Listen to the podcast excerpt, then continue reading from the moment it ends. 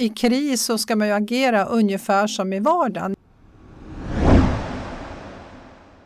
Du lyssnar på Chefspodden med mig Hanna Broberg och idag ska vi prata om chefers förutsättningar att leda i kris.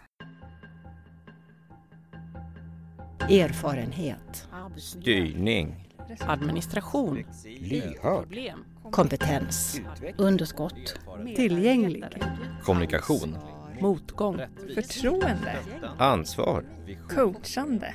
Rättvis. Konflikt. Tillit. Arbetsmiljö. Ledarskap.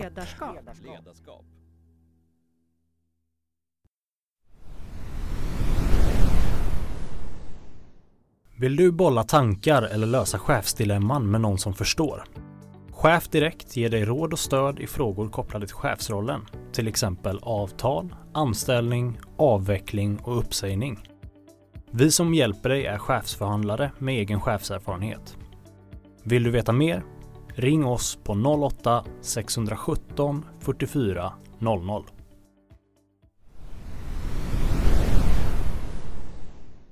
Hej och välkomna till Chefspodden med mig Hanna Broberg. Chefspodden görs av Svensk Chefsförening och Akademikerförbundet SSR. Och idag ska vi prata om eh, chefsförutsättningar och hur chefer har haft det under coronapandemin. Och eh, gäster i podden är, eller gäster, det är mina kollegor Helena Niklasson som är chefsförhandlare och min ganska nya kollega på sekretariatet Vesna Jovic. Välkomna! Härligt att ni är med. Eh, Vesna, du får först berätta vem du är och vad du har gjort. Ja, jag heter Vesna Jovic. Jag har arbetat i väldigt många år inom kommunal sektor.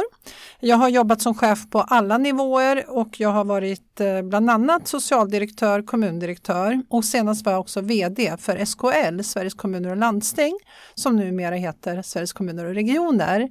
Och nu är jag här på Akademikerförbundet SSR och jag är vikarierande socialpolitisk chef här. Härligt, jättebra. Och Helena, du är chefsförhandlare och du har själv varit chef i många år också. Eh, vad gör du på jobbet?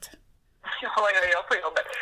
Eh, jag stöttar chefer, rådger chefer eh, och företräder chefer om de vill bli företrädda gentemot arbetsgivarna. Mm. Och jag har ju också då mångårig chefserfarenhet, precis som mina eh, kollegor som också är chefsförhandlare. Vi har ju alla chefserfarenhet. Mm. Ja, och Helena är med på telefon på distans här. Vi andra står i studion så att ljudet kan vara lite olika men jag tycker att vi testar en lösning som vi tror ska funka bra. Bakgrunden till det här samtalet som vi ska ha det är ju att vi i maj gjorde en chefsundersökning där drygt 1000, 1064 chefsmedlemmar har svarat eh, om hur de har haft det under krisen. Eh, och jag tänkte först Helena, om du kunde berätta lite grann. Du har ju haft chefsrådgivning under de här månaderna. Vad är din bild? Vad har chefer behövt råd och stöd i? Ja, det är lite olika saker, men några frågor utkristalliserar sig som återkommande och, och det är alltså en frustration över olika budskap från olika myndigheter och den egna arbetsgivaren. Och det gäller naturligtvis skyddsutrustning då i första hand och hur man ska agera. Jag upplever att cheferna tycker att de kommer i kläm. De kommer i kläm mellan sin arbetsgivare, den egna smittskyddsläkaren, Arbetsmiljöverket säger en sak och skyddsombuden som de möter har då krav och förväntningar som de inte riktigt får gehör hos, hos sin arbetsgivare. Och det här blir ju en frustration för många. Mm. Eh, det finns också många frågor om det här med hemarbete. När får man jobba hemma, när får man inte jobba hemma? Och vi tycker ju alltid att man ska följa Folkhälsomyndighetens rekommendationer. Vi brukar säga så här att titta inte på vilka uppgifter som kan utföras i hemmet, utan titta istället på vilka uppgifter kan absolut, eller måste absolut utföras på jobbet. Eh, när det gäller hemarbete så har vi fått många frågor om det här med arbetsmiljöansvaret, eh, hur är det med försäkringar? Kan man kräva av en medarbetare att de ska jobba hemma om de inte har en hemförsäkring? Så där finns det en stor osäkerhet. Mm. Eh, sen om, om, om, sin egen situation naturligtvis, som behöver stöd i hur de ska hantera olika svåra situationer. Det egna arbetsmiljöansvaret. Eh, jag vet att vi kommer till det längre ner, men där har det också varit det är inte så lätt att returnera sitt arbetsmiljöansvar eller sin arbetsmiljö. En delegering. Precis. Men vi kan väl komma Och, tillbaka eh, till man det. Efterfrågar, man efterfrågar, man efterfrågar en, en, en tydlighet som, som eh, man saknar. Mm. Och, och, och lite kan, vi kan ju komma tillbaka till flera av de här sakerna för det påminner ju lite grann om den, den svårighet som chefer har i, i andra frågor de kommer till, till, till er med i vanliga fall också men det blir lite speciellt i den här krisen såklart. Det är ju chefer från många olika verksamheter, alla möjliga, alla våra samhällssektorer som har svarat och de har haft det tufft på många sätt. Men tuffast har ju ändå chefer i vård och omsorg haft och det är drygt 230 chefer i vård och omsorg som har svarat på den här enkäten. Men genomgående kan man väl säga nästan alla de har följt myndigheternas råd, det du är inne på att de har haft besvär med men att de har jobbat med det. Och det har krävt en, en väldigt snabb anpassning och nya samarbeten som man kanske inte har fått till i vanliga fall men nu har det varit nödvändigt och så. Vesna, hur tänker du om den här liksom, omställningen som, som eh, har krävts utav cheferna och utav medarbetare under den här krisen? Mm. Jag tänker att eh, man är ganska van att hantera kriser som chef inom vård och omsorg. Men den här typen av kris, en pandemikris, det har vi nog alla varit väldigt oförberedda på. Man är också van att öva kring olika typer av extraordinära händelser. Då, då. Men jag tror inte man har övat så mycket på pandemier i kommunerna och kanske inte på andra håll heller. Eh, så därför så tror jag att det blev extra tufft eftersom det var någonting som var så stort eh, som gällde hela landet och det landade direkt i knät eh, på vård och omsorgscheferna och medarbetarna. Och lite grann befann man sig nog i stormens öga och hade inga klara kanske rutiner eller exakta kunskaper och inte heller förutsättningar. Och då handlar det om att hålla huvudet kallt och det vill jag påstå att eh, det är man van vid att göra inom ja, vård och omsorgssektorn. Men icke desto mindre så var det säkert jättetufft eh, och samtidigt så var man ju tvungen att få in skyddsutrustning. Man var tvungen att förlita sig på överordnade chefer, eh, Folkhälsomyndigheten, Socialstyrelsen och så vidare. Det var ju inte osäkert bara för de enskilda cheferna utan det här var ju lika osäkert och tufft för nationella myndigheter också som inte heller hade varit med om det här. Och mitt i allt detta så tänker jag så måste man stå stadig och göra det bästa av situationen och inte börja skylla på varandra eller tro att någon annan kan fixa det här utan man måste helt enkelt göra sitt bästa. Och jag tänker också att eh, mitt i det hela så har jag förstått att många har fått ett mycket bättre samarbete med regionen och det är ju fantastiskt bra att när det verkligen gäller då får vi faktiskt till det och det kommer vi att ha nytta av även efter coronakrisen.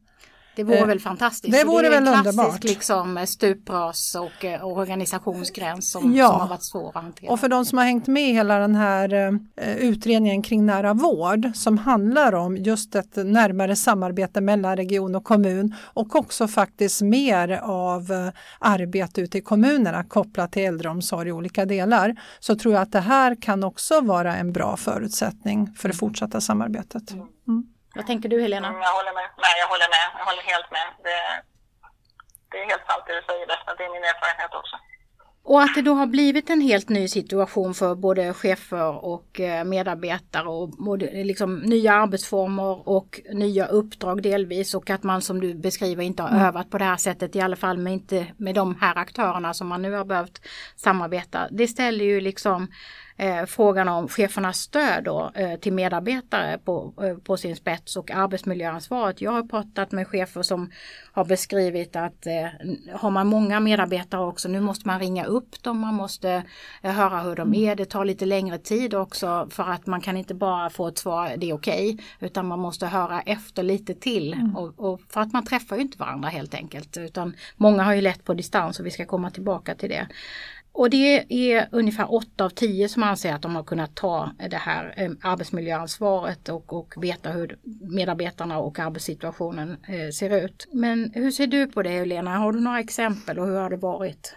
Du nämnde förut att arbetsmiljön har varit en sån fråga som de har ringt om. Ja, precis. Och, och det är ju det här att, att arbetsmiljöansvar på distans, det har ju varit en stående fråga. Alltså det här när man jobbar hemma, vilket arbetsmiljöansvar har jag som chef? Och hur är det med försäkringarna? De gäller ju fast de gäller inte och det är lite krångligt och alla tycker att det är osäkert.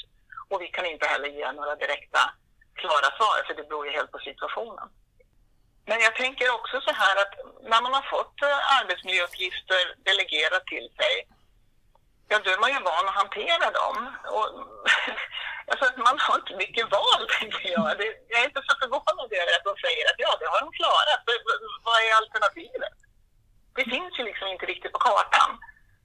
Så att, och, och våra chefer tar ju sitt arbetsmiljöansvar på största allvar och, och då hanterar de den här situationen.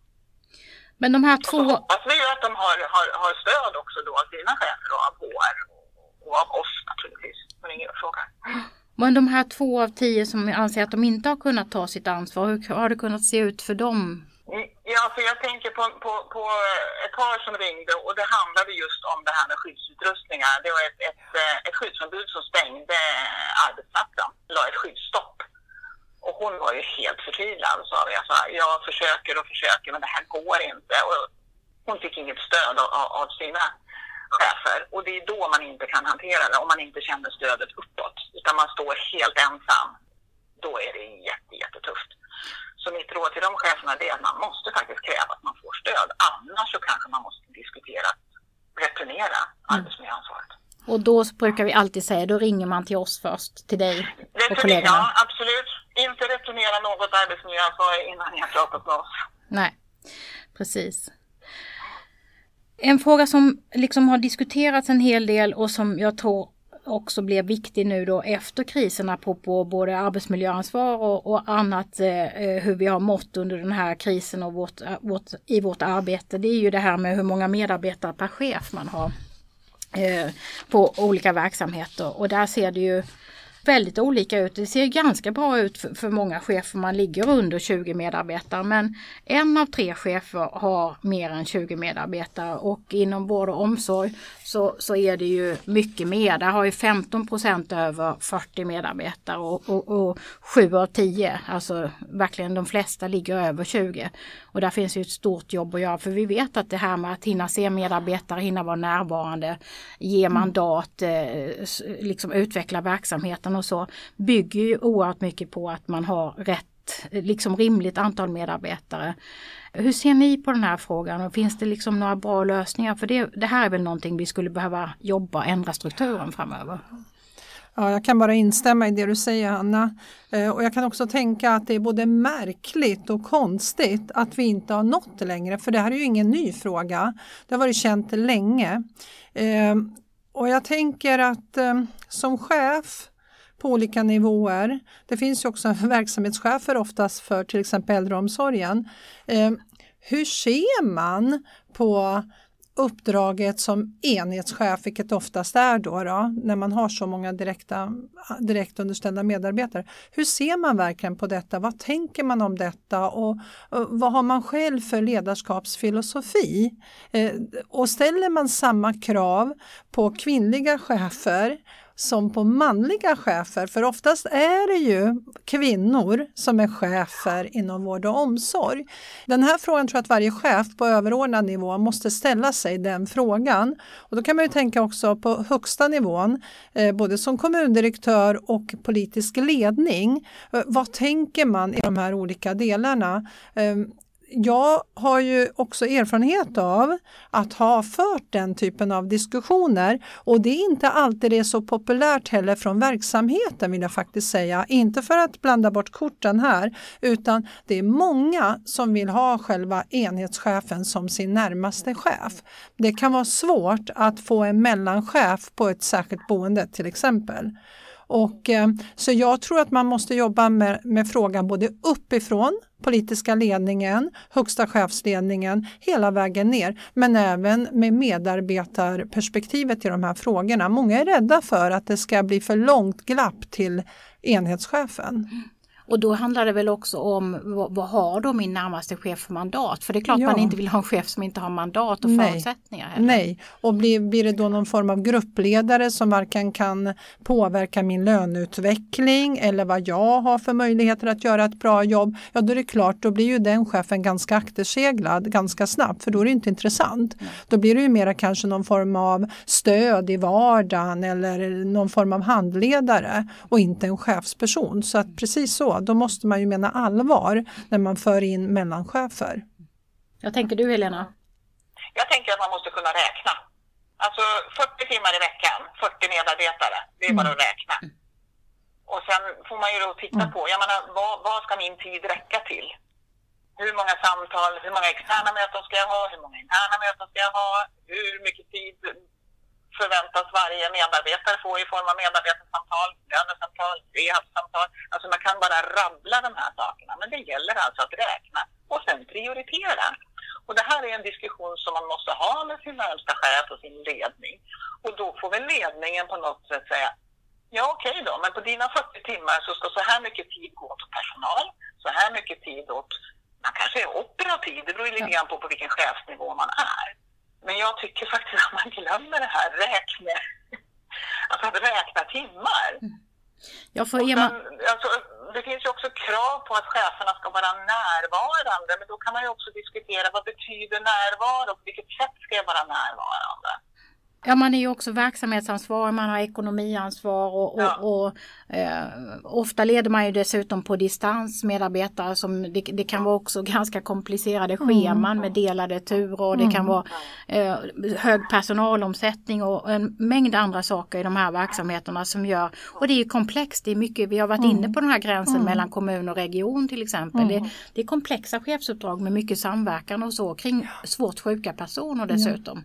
Så att eh, visst är det svåra uppdrag. Så det är väl kanske vård och omsorgscheferna är väl verkligen en prioriterad grupp att titta på som har en, en eh, unikt tuff eh, situation. Och det, det har ju diskuterats länge men det är verkligen hög tid. Och, och där får vi väl låta övriga chefer åka med i den här debatten för det, det är chefsförutsättningar generellt som måste bli bättre. Mm. Och då ska vi lära oss räkna. Och som sagt, det ställs ju högre krav. Det handlar inte bara om att leda den egna verksamheten, den egna enheten. Det handlar också om att bidra till hela kommunens utveckling och numera inte bara hela kommunen utan handlar också om, precis som du säger, samarbetet med regionen. Så att det är många olika komplexa frågeställningar att eh, ta hänsyn till. Och så ska man räcka till för varje medarbetare. Och sen som du var inne på Västna, just om, om vi då pratar kommuner här och offentlig sektor, där det här bekymret är störst. Alltså, hur ser det ut på de olika förvaltningarna i kommunen och varför ser det olika ut? För det vet vi att det gör. Ja, det vet vi och det finns siffror på det också. Jobbar man inom till exempel tekniska verksamhetsområden så har man ju en helt annan möjlighet att vara chef och ledare för man har betydligt färre medarbetare än inom vård och omsorg. Men tittar vi på lönen då så är det ju inte så att man tjänar mer som chef inom vård och omsorg trots detta stora uppdrag. Och jag brukar säga dessutom är det ofta så tekniskt, nu senast Slussen fick gå med flera miljoner i, i liksom ökade kostnader. Det är ju nästan tvärtom att har man klarat ett, ett, eh, en, kostnadsminskning på en 5% ett år och det är jättebra, man får kanske inte så jättemycket cred för det utan då får man ett nytt kostnads, en ny, ny, besparingsbeting på 5% till nästa år. Så att det, är, en- det är verkligen tufft i vård och omsorgsverksamheterna. Och det handlar ju faktiskt om hur den politiska ledningen värderar de olika verksamhetsgrenarna och sitt eget ansvar, sina egna ansvarsområden. Det tycker jag man bör ta på betydligt större allvar än vad man gör. Precis. Ja, det är jätteintressanta uppgifter och som sagt inget nytt.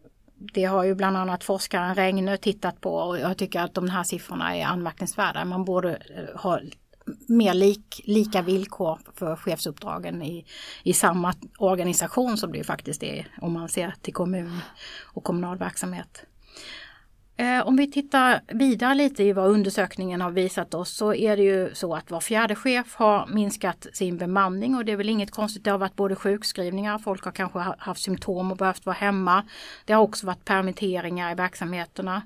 Eh, Två av tre chefer har eh, arbetat hemifrån på hel eller deltid och man har haft mycket personal också eh, på distans som man kanske inte brukar ha i vanliga fall. Men vård och omsorg har jag haft tvärtom. Man har haft medarbetarna på plats och två av tre chefer har jobbat på plats i sin ordinarie verksamhet. Eh, alltså det väcker ju en del frågor och diskussion kring det här med, med liksom eh, eh, hur man då jobbar och att man har, vi har varit inne på att man har fått ställa om. Men har, har just den här med hemarbete och eh, minskad bemanning varit frågor i rådgivningen också Helena?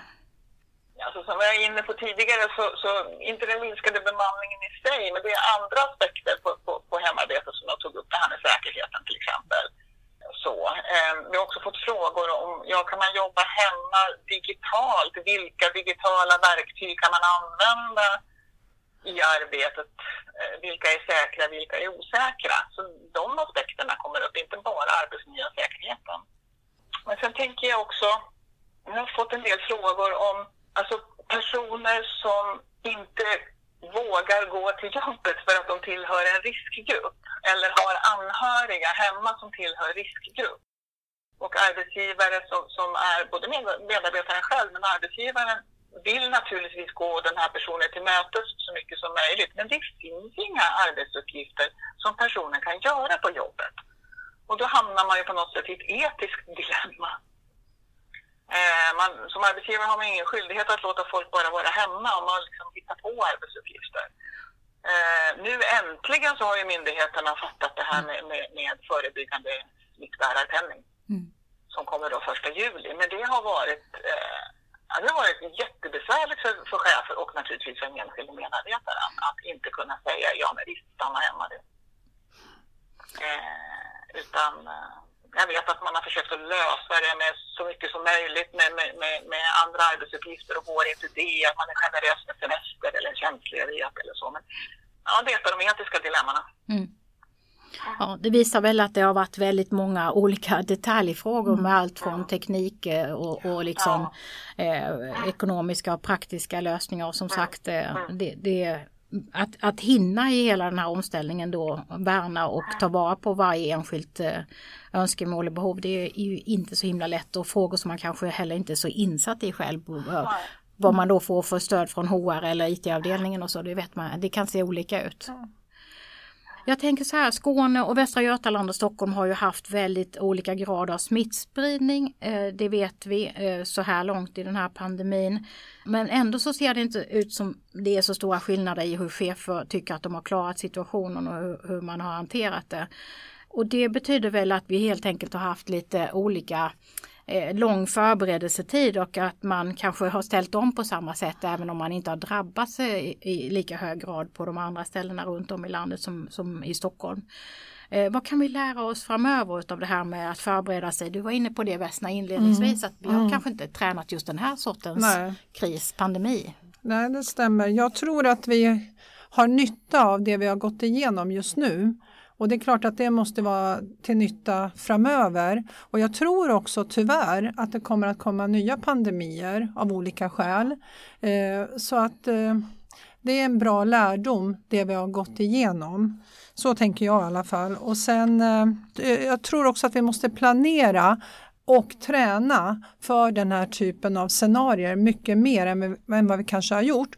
Och möjligen eh, så har det här också bidragit till att vi har satt fokus på hygienrutiner inom vård och omsorg i större utsträckning än tidigare. Och inte minst smittskydd som vi har varit inne på. Inte bara liksom på en nationell nivå för även där har vi sett enorma brister men även på lokal nivå att det måste finnas en beredskap beredskap. Det måste finnas eh, smittskydd att tillgå och kanske inte bara för den här typen av virus utan vi kanske måste bredda hela vårt perspektiv och fundera vad mer kan komma och planera för det.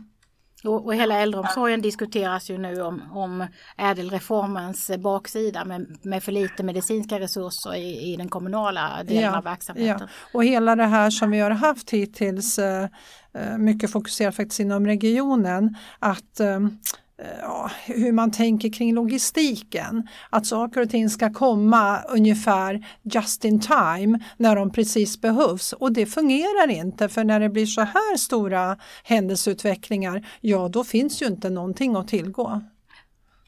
Helena, vad tänker du? Ja, nej, nej men jag håller helt med naturligtvis och, och jag hoppas ju att man, man gör ordentliga utvärderingar och tittar, jag menar, inom, du var inne på äldreomsorgen, Hanna, det här med, med timvikarier och, och korttidsarbete och stor personalomsättning. Det är nu det har ställts på sin spets, men det här har varit ett problem länge. Mm. Men sen tänker jag också, det du pratade om Vesna, att, att ta lärdom, öva och så vidare. Och, och egentligen så är det ju inte Alltså det är inte så märkvärdigt utan man ska ju bara göra de här vanliga riskbedömningarna som man faktiskt gör i det systematiska arbetsmiljöarbetet. Mm. Man behöver liksom inte uppfinna någonting nytt. Utan gå tillbaka till det, vanliga riskbedömningar. Det gör våra chefer nästan varenda dag.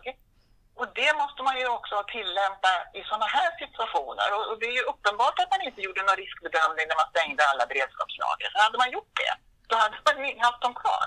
Mm.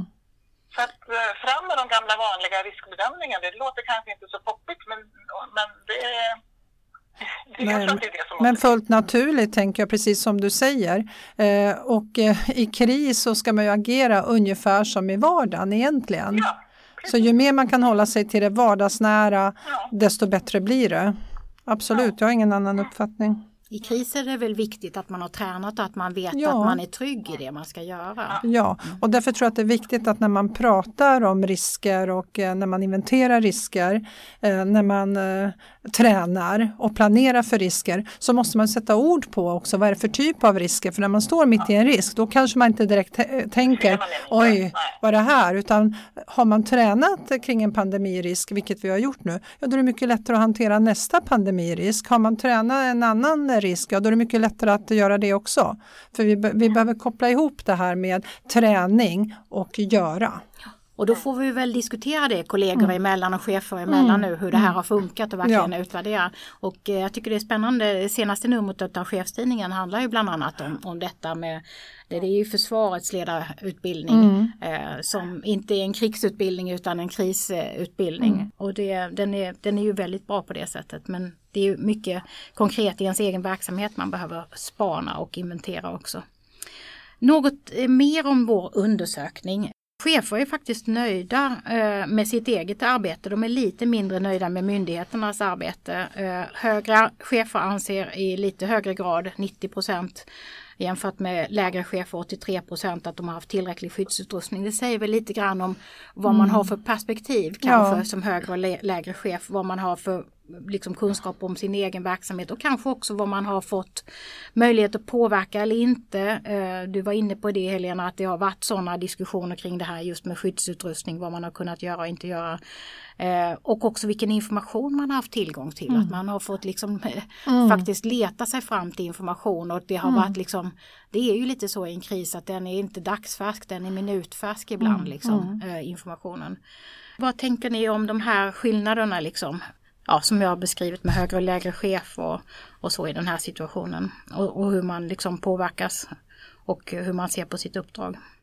Alltså jag tänker att om man är väldigt nära verksamheten och medarbetarna och medarbetarna är oroliga över skyddsutrustning och, och, och kanske kräver mer skyddsutrustning än vad arbetsgivaren egentligen tycker att man bör ha, då, det, det är då det blir diskrepans.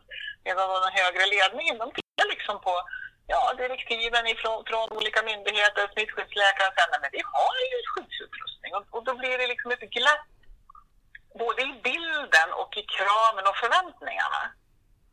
Och här är ju dialogen viktig men det, det är ju Precis. kanske svårt med det apropå antal medarbetare och att saker går fort liksom. Mm. Sen hör vi ju skräckexempel på att skyddsutrustning har varit inlåst och då vet man ju liksom inte har det varit inlåst för att eh, det är lagret? Eller har det varit, alltså, har det varit inlåst för att, för att medarbetarna inte ska använda den? Det låter ju fullkomligt absurt om det är på det sättet. Mm. Eh, Så att eh, här är återigen då den gamla vanliga riskbedömningen och också visa att man tar medarbetarnas oro på allvar och inte bara säga vi har den skyddsutrustning som vi behöver, punkt. Mm. Det är då det, det, är då det blir, blir eh, alltså tufft läge för enhetscheferna som är närmast medarbetarna. Mm. Men jag tänker också att eh, det här är ju en klassiker lite grann. Man är ju oftast mycket mer nöjd med sitt eget arbete än andras arbete därför att Ja. man har bättre insyn. Man tycker själv att man har jobbat hårt, vilket man säkert har gjort och man har gjort sitt absolut bästa. Eh, Men sen också det här att högre chefer hur var det du sa, tyckte att man hade haft tillräcklig skyddsutrustning till skillnad från lägre chefer. Och det är väl också så att som högre chef så har man ju mer en helikopteröversyn.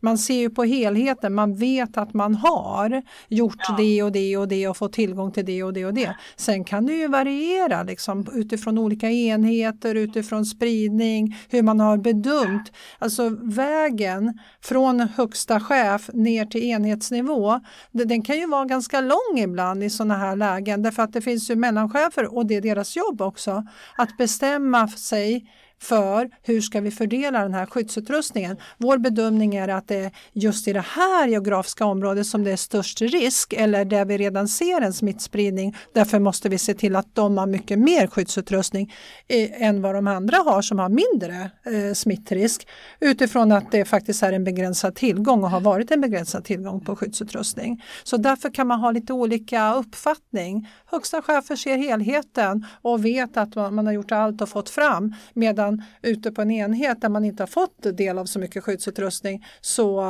tycker man kanske inte att det har varit så himla bra i alla lägen.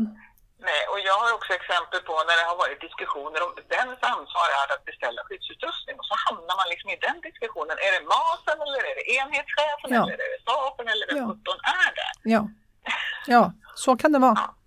Ja, Ja, jag tycker ändå en eh, positiv bild i vår undersökning här med 1064 chefer, det är ju att eh, man har väldigt bra stöd från överordnade chefer, eh, från sina chefskollegor. Jag tror att det, det är liksom hur det ser ut i kris är lite grann också en, en bild av hur det ser ut i vanliga fall. Men det, det kan väl kanske både bli bättre och sämre i en kris. Men, men eh, ungefär eh, 80 procent får, får stöd och, och har bra stöd av sina överordnade chefer och eh, ungefär 70 procent utav sina chefskollegor. Det är väl frågan om hur my- my- mycket man hinner supporta varandra och ha kontakt. Men det ser lite blandat ut när det gäller HR och det beror också på hur den är organiserad, hur nära långt ut i verksamheten den finns som stöd. Men det man kan säga är att de som verkar ha minst stöd kanske inte heller samma behov utav HR eh, är högre chefer, konstigt nog. Men hur ser ni på det här stödet mellan, mellan chefer, alltså chefskollegor, från högre chefer och, men också från HR? Hur kan man jobba för att öka det här lite? Det är, det är ju hyggliga siffror men det borde ju vara mycket bättre. Jag tror personligen att krishantering är ganska mycket linjeorganisationen och att det krävs en eh, kunskap om verksamheten för att kunna ge ett ordentligt stöd i just krishantering på golvet. Därför tror jag att det följer hela linjeorganisationen. Medan HR HR-stödet eh, är ju en hel del av det som du har varit inne på tycker jag. Ja, liksom, hur gör vi nu med arbetsmiljöansvaret? Vad är rimligt? Hur kan vi stötta upp? Att man ser andra frågor som man kan stötta upp med. Eh, därför tror jag att det blir mer naturligt liksom, när det gäller själva verksamheten att man mera siktar in sig på överordnade chefer, de chefer som kan verksamhetsfrågorna. Så jag tycker att det handlar liksom om ofta, alltså vilken kultur har man på arbetsplatsen när det gäller det här med stöd? Alltså, vissa arbetsplatser har jag upplevt att begär man stöd så uppfattas det som, som en svaghet, vilket är fullständigt absurt. Och HR har ju, som du var inne på, han har liksom lite olika roller, det ser helt olika ut. Och återigen så, nu tjatar jag om de krav och förväntningar, men jag tror att om man är klar över vilka krav och förväntningar jag som chef har på mina chefer och jag är klar över vilket, vilka krav och förväntningar har de på mig som chef, då har man kommit en ganska bra bit på väg. Och vilket stöd till, från HR kan jag förvänta mig? Och vilket stöd behöver jag och kan HR leverera det? Eller? Och det här tycker jag är saker som man bör diskutera i sin ledningsgrupp. Mm. Det är väl en viktig sak att utvärdera också. Vad, Vilket stöd har cheferna Ja. fått i de här lite svåra frågorna kring hemarbete, Ja. kring enskilda personer med smittrisk och, Ja. och, och sådana där saker. Ja. Och säkert har HR gjort ett jättefint arbete med väldigt många av de här casen men några chefer längst ut har kanske känt Ja. att de har varit lite övergivna. Och Ja. I grupper som där man redan har stor personalomsättning och Ja. så, så kan det ju ha varit en tuff uppgift. eh. Jag kan tänka mig också att det är så att eh, högsta cheferna ger HR i uppdrag att ta fram olika riktlinjer, olika eh, rutiner, vad det nu kan vara. Det är inte direkt kanske det man gör som enhetschef utan eh, det är de högsta cheferna som ser till att det kommer fram den typen av stöd. Men sen att själva stödet förmedlas via linjeorganisationen i just samband med kriser. För att det blir också för jobbigt om man är på en enhet att det kommer här och det kommer där och det kommer från alla håll och kanter och då kan man inte sortera det. Och det är också så att HR-avdelningarna eller hur man nu är organiserad, de har ju inte hur mycket resurser som helst heller så de behöver ju hålla sig på en övergripande nivå och ta fram de här policies och allt sånt stöd och då fungerar det inte att jobba individuellt med respektive chef utan då är man oftast Och på så, en... att man, och så att man som chef vet vart ska jag vända mig i vilka frågor. Precis. Och sen kan det ju naturligtvis vara en frustration just i de här tiderna då när man, man har en massa frågor och kanske heller inte får raka svar. Därför att det är svårt att ge raka svar och det kan ju bli en frustration om man upplever att nej, jag får inget stöd för det är ingen som vet. Nej. Och du det- var inne på kulturen Helena. Jag tänker att det här att, att våga prata om svåra saker. Eh, Nu har man kanske inte så mycket tid i en sån här kris att hinna höra av sig och, och diskutera. Men att ledningsgrupper pratar om saker och är sam, samspelta. Det finns ju exempel, har jag hört i alla fall, på eh, i olika enheter som har valt att lösa saker på olika sätt och också ja, eh, att man, man, har, man, man har känt att man, man har inte hunnit samordna sig eller inte liksom fått hjälp att samordna sig, att agera på ett gemensamt sätt och så. Men det kan ju också vara att man liksom just inte vill visa att jag har svårt med någonting. Och, och att den där kulturen får man väl på sikt, om vi ska ta med oss någonting och, i framtiden och lärdomar så, så är det väl någonting man behöver jobba med, att våga öppna upp Ja. att man har en tuff situation. Absolut, absolut. Och ta stöd av kollegor. Jätteviktigt. Men jag tänker också återigen eh, vid krishantering hantering, eh, varför det blir så nära kopplat stödet mellan chef och överordnade chefer. Det är ju också för att man är ju Dels behöver man stödet men det, ibland så måste det också fattas beslut och kanske sådana beslut som inte alltid är så populära. Och HR har ju inget sådant beslutsmandat utan då vill man känna sig trygg tror jag som chef att min överordnade chef är informerad och fattar beslut eller den chefens chef. Så att jag tror att man blir faktiskt mer forma, äh, formell i kriser. Ja, Stå bakom. ja precis. Hörni, om vi blickar framåt ytterligare lite så är ju en bekymmersam del av vår undersökning att eh, vi har någon slags stressskuld kan man säga bland, bland cheferna. Många har jobbat mycket, eh, man jobbar i vanliga fall också eh, en till två timmar övertid och nu, nu har mycket av den övertiden och ytterligare övertid berott på, på pandemin. Särskilt i vård och omsorg eh, så har det ju varit väldigt mycket extra timmar. Eh, två av tre känner ökad stress till följd av pandemin och nästan tre gånger så många som, eh, som i våra vanliga undersökningar. Alltså nu är det 31 procent eh, som känner att de inte får tillräcklig återhämtning. Inom vård och omsorg så är det ungefär hälften av cheferna bara som får tillräcklig återhämtning. Hur ser ni på det här? Vad, vad ska vi göra? Hur ska vi tänka? För det här är ju, det kommer ju vara ganska tufft i höst också. Eh, hur ska man få liksom ett, ett stöd till chefer och att de kan hitta balansen. En del har ju också i sina avtal att man får ta ut den här övertiden i tid och det har ju inte funnits förutsättningar för det. Så på något sätt måste de få återhämtning och balans igen efter den här perioden. Men, men hur ska man tänka?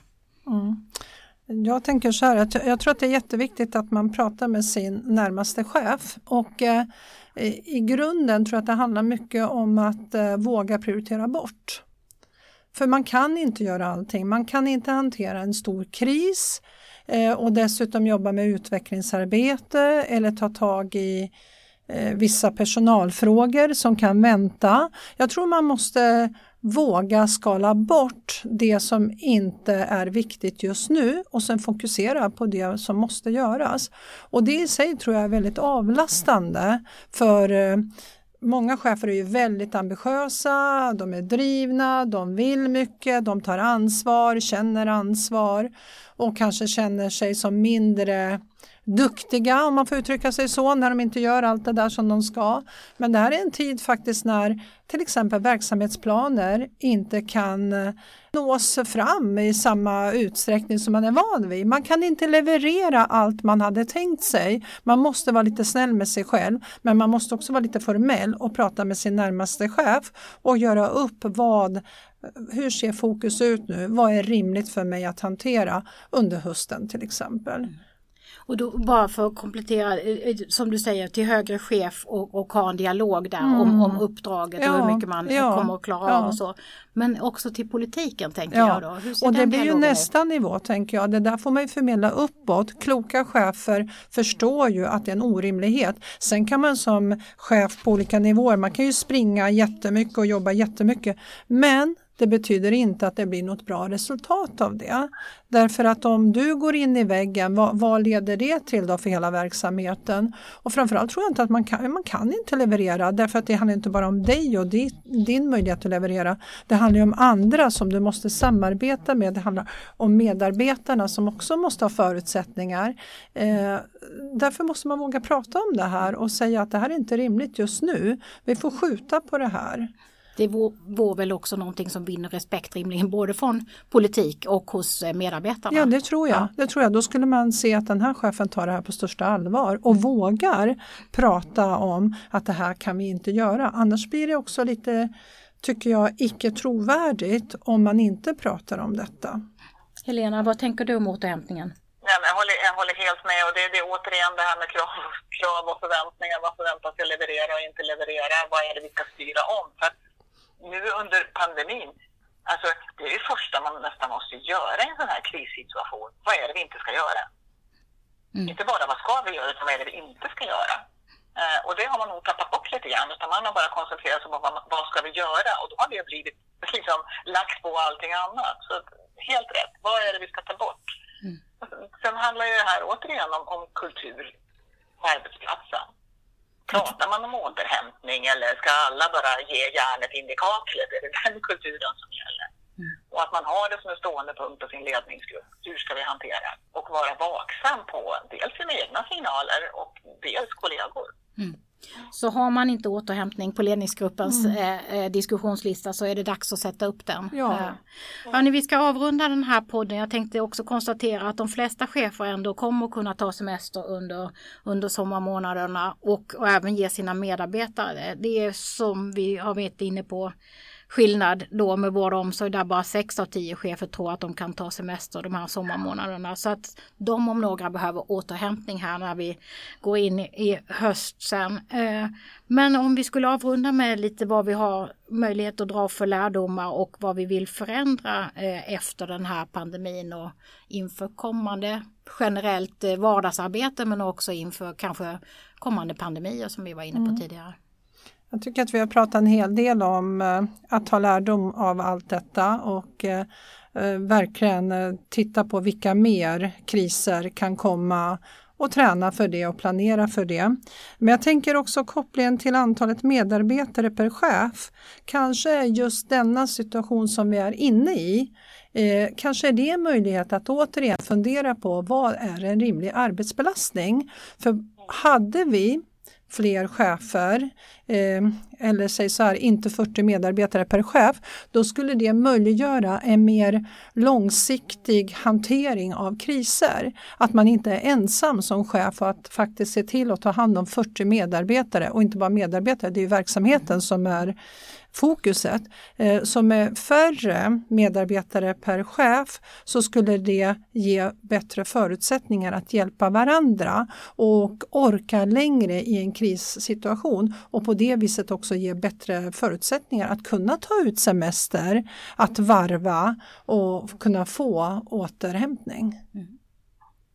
Helena, lärdomar? Ja, better safe than sorry, tänker jag. Att man tar med sig. Eh, ta medarbetarnas oro på allvar. Eh, det kanske är bättre att eh, överutnyttja munskydden än att bara säga nej. Och nu var det bara ett exempel, men jag tror att kommunikation, glöm inte bort kommunikationen i alltihopa det här så att man får alla med på vagnen. Så att alla är klara över vilka svårigheter man står inför. Så att man inte sätter upp en fasad av att jo, men det här klarar vi av innan. Det tror jag är viktigt när man gör. Det är också viktigt naturligtvis det här med utvärdering. Vad gjorde vi bra? Vad blev mindre bra? Vad ska vi ändra till nästa gång? Och sen återigen det här, stå fast vid de rutiner ni redan har. Hitta inte på en massa nya. Gör era vanliga riskbedömningar, gör era vanliga prioriteringar. Se till också att, eh, att hålla den här kontakten med medarbetarna och andra chefer, att prioritera den, för den tror jag är otroligt viktig. Så är det någonting man inte ska ta bort så är det ju faktiskt de här interna mötena på ett eller annat sätt. Att hinna prata med att alla är varandra. med på vagnen. Mm. Jag tänker också att man kommer att utvärdera liksom vad som har hänt under pandemin och vad som, hur verksamheterna har klarat sig och, och vad, vad som har funkat och inte funkat. Men jag tror att det är viktigt att reflektera själv som chef. Hur har jag fungerat under den här krisen? Vad har jag, vad har jag haft mina styrkor? Vad, vad har jag tyckt har fungerat väl? Eh, vad behöver jag för stöd ytterligare som jag tycker har varit brustet och faktiskt öppna upp en sån dialog med min överordnade chef. Men också vad har jag för brist och vad behöver jag på sikt eh, förstärka eh, för mitt eh, ledarskap och så. Så att jag tror den egna reflektionen är också viktig. Jag tror att en del kan till och med också ha sett nya styrkor hos sig själv under en sån här kris när det är så ansträngande och tufft. Att man kanske är väldigt kommunikativ, att man har lätt till, till bra samtal, kvalitativa samtal, även på distans med sina medarbetare. Att man känner sig trygg, att man tar fram någonting i sig i en sån här kris. Och det tycker jag man ska titta på också. Och, ja. Så eh, stort tack Helena och eh, Westna för det här samtalet om chefers förutsättningar att leda och hantera en kris. Vi sänder en ny chefspodd igen om ett par veckor och eh, du hittar chefspodden på Spotify och andra kanaler. Tack och på återhörande. Tack! Tack.